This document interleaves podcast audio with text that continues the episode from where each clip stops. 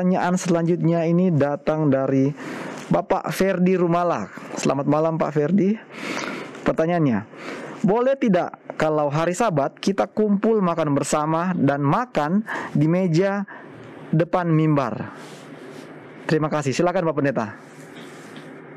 Baiklah, terima kasih untuk uh, pertanyaan uh, dari Pak Ferdi Rumalak dan pertanyaan ini adalah tentang boleh atau tidak, boleh atau tidak. Dan memang kalau mau dibuat ada banyak pertanyaan, itu bisa daftarnya panjang. Boleh atau tidak melakukan ini pada hari Sabat? Boleh atau tidak? Boleh atau tidak? Dan selanjutnya.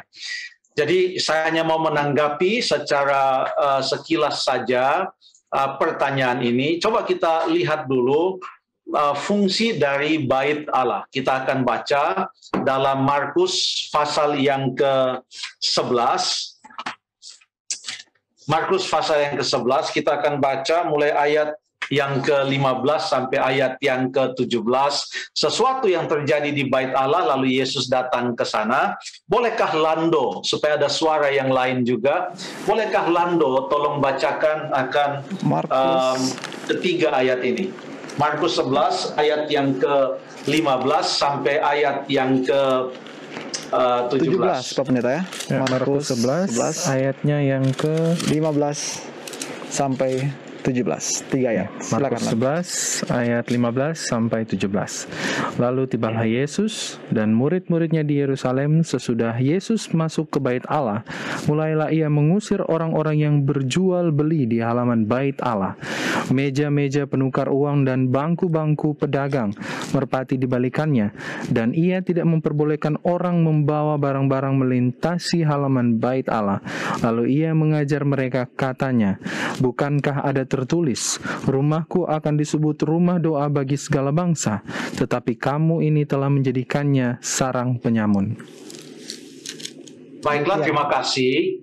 Kalau ayat ini mengatakan sarang penyamun, kita tidak mau samakan dengan orang makan di dalam gereja, tapi menurut konteks ini terjadi jual beli di dalam bait Allah. Mereka berjual beli di halaman, lalu ada meja-meja penukar uang, bangku-bangku pedagang, mereka men, menjual uh, korban-korban uh, bakaran, dan yang dijual di sini katanya adalah uh, yang ada di sana adalah pedagang-pedagang merpati. Nah, merpati atau uh, burung merpati adalah jenis korban yang biasanya untuk orang-orang yang tidak sanggup untuk membeli korban atau mempunyai korban dalam bentuk domba ataupun lembu. Jadi ini adalah kebanyakan orang-orang yang uh, miskin yang tidak mempunyai cukup untuk membeli korban dalam bentuk domba.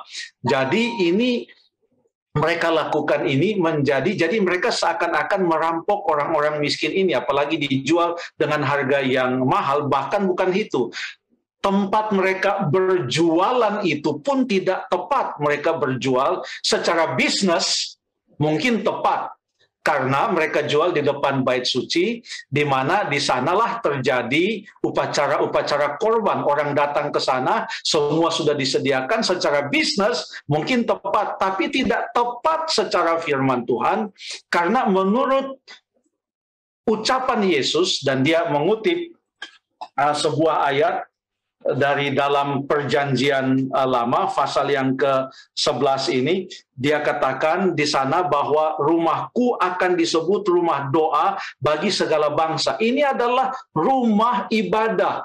Ini adalah rumah atau bait kudus Allah, tempat orang datang berdoa, lalu membawa persembahan, memuji Tuhan, berbakti kepada Tuhan, janganlah kamu menjadikan ini sebagai sarang penyamun.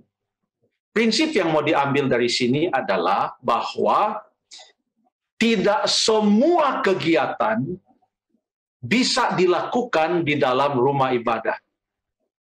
Ya. Contohnya, berjual beli tidak bisa dilakukan atau berdagang tidak bisa dilakukan di dalam rumah ibadah ini hanya memberikan kepada kita satu petunjuk bahwa rumah ibadah itu mempunyai fungsinya tersendiri. Tidak semua kegiatan bisa dilakukan ataupun memang harus dilakukan dalam rumah ibadah. Nah, di zaman Perjanjian Baru, pada hari Sabat atau di dalam melakukan ibadah-ibadah, setelah Tuhan Yesus naik ke sorga, maka orang bukan hanya berbakti di dalam bait suci, atau di dalam sinagog. Itu di dalam sinagog banyak orang-orang Yahudi yang terus berbakti pada hari Sabat karena baik orang Yahudi maupun orang Kristen sama-sama berbakti pada hari Sabat. Tetapi jemaat Allah, orang Kristen yang mula-mula tidak selamanya mereka datang pada hari Sabat bergabung entah di sinagog dengan orang Yahudi atau mereka uh, datang ke bait Allah. Salah satu tempat yang mereka gunakan untuk beribadah ya itu adalah di rumah mereka. Jemaat yang ada di rumah. Ada beberapa petunjuk di dalam Alkitab tentang istilah jemaat di rumah coba kita baca beberapa ayat dulu ya tentang jemaat di rumah. Kita baca yang pertama dalam Roma pasal yang ke-16 ayat yang ke-5. Roma pasal yang ke-16 ayat yang ke-5 yang mengatakan salam juga kepada jemaat di rumah mereka. Jadi ada jemaat di rumah. 1 Korintus pasal yang ke-16 ayat yang ke-9 mengatakan ya 1 Korintus pasal yang ke-16 ayat yang ke-19 19. Salam kepadamu dari jemaat-jemaat di Asia Kecil, ya, jemaat-jemaat di Asia Kecil, Aquila, Priscilla, dan jemaat di rumah mereka. Jadi di rumah Aquila dan Priscilla ada jemaat, ada perkumpulan di sana. Ada kegiatan ibadah, ada orang berbakti pada hari-hari kebaktian atau pada jam-jam kebaktian pada saat itu. Kolose pasal yang keempat ayat yang ke-15 Kolose pasal yang keempat ayat 15 sampaikan salam kami kepada saudara-saudara di Laodikea juga kepada Nimfa dan jemaat yang ada di rumahnya. Jadi Selain orang berbakti di dalam bait Allah, mereka juga berbakti di rumah-rumah mereka. Karena Yesus sendiri berkata, di mana dua atau tiga orang berkumpul di dalam namaku, aku hadir di sana. Dan itulah mereka berbakti di rumah-rumah mereka.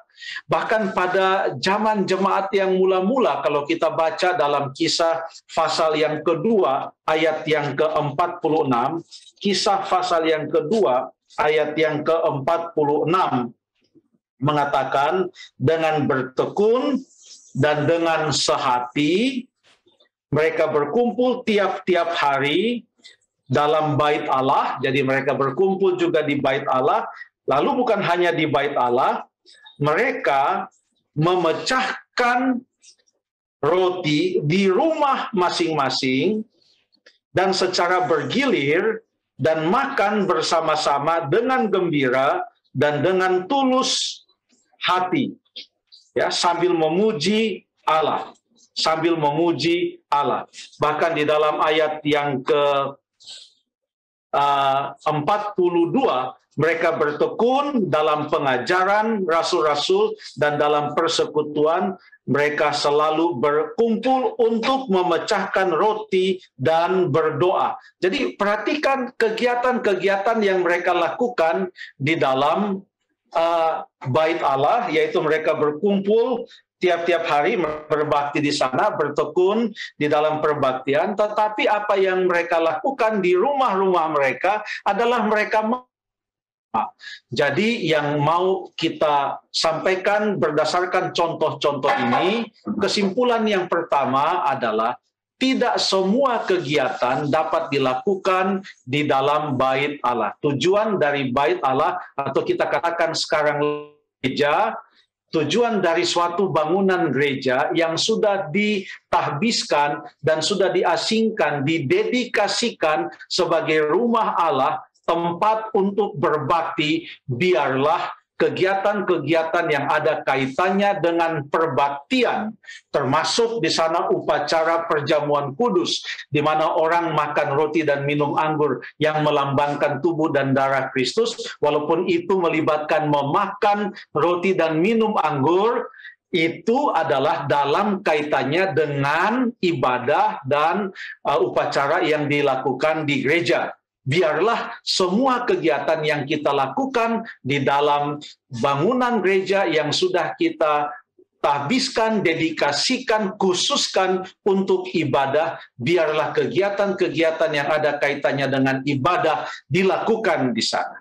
Dianjurkan supaya kegiatan-kegiatan yang lain bisa dilakukan di tempat yang lain. Entah itu dilakukan di dalam suatu ruangan serbaguna atau dilakukan di rumah atau di ruangan yang ada di sebelah gereja atau bagaimanapun juga. Karena ini penting untuk memberikan pendidikan kepada umat Tuhan khususnya kepada generasi yang berikut anak-anak contohnya. Supaya mereka bisa membedakan antara tempat ibadah dengan bukan tempat ibadah.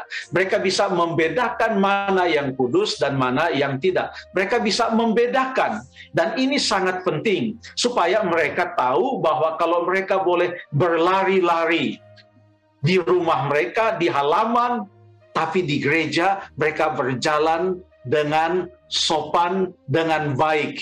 Kalau mereka bisa teriak-teriak, memanggil teman mereka, di luar sana, tapi di dalam gereja biarlah mereka menjaga akan uh, uh, ketenangan, menjaga suasana yang hikmat di dalam acara kebaktian. Semua itu terkait di dalam tujuan untuk mengkhususkan suatu tempat pada. Uh, ini mungkin hanya suatu tanggapan saja. Terima kasih.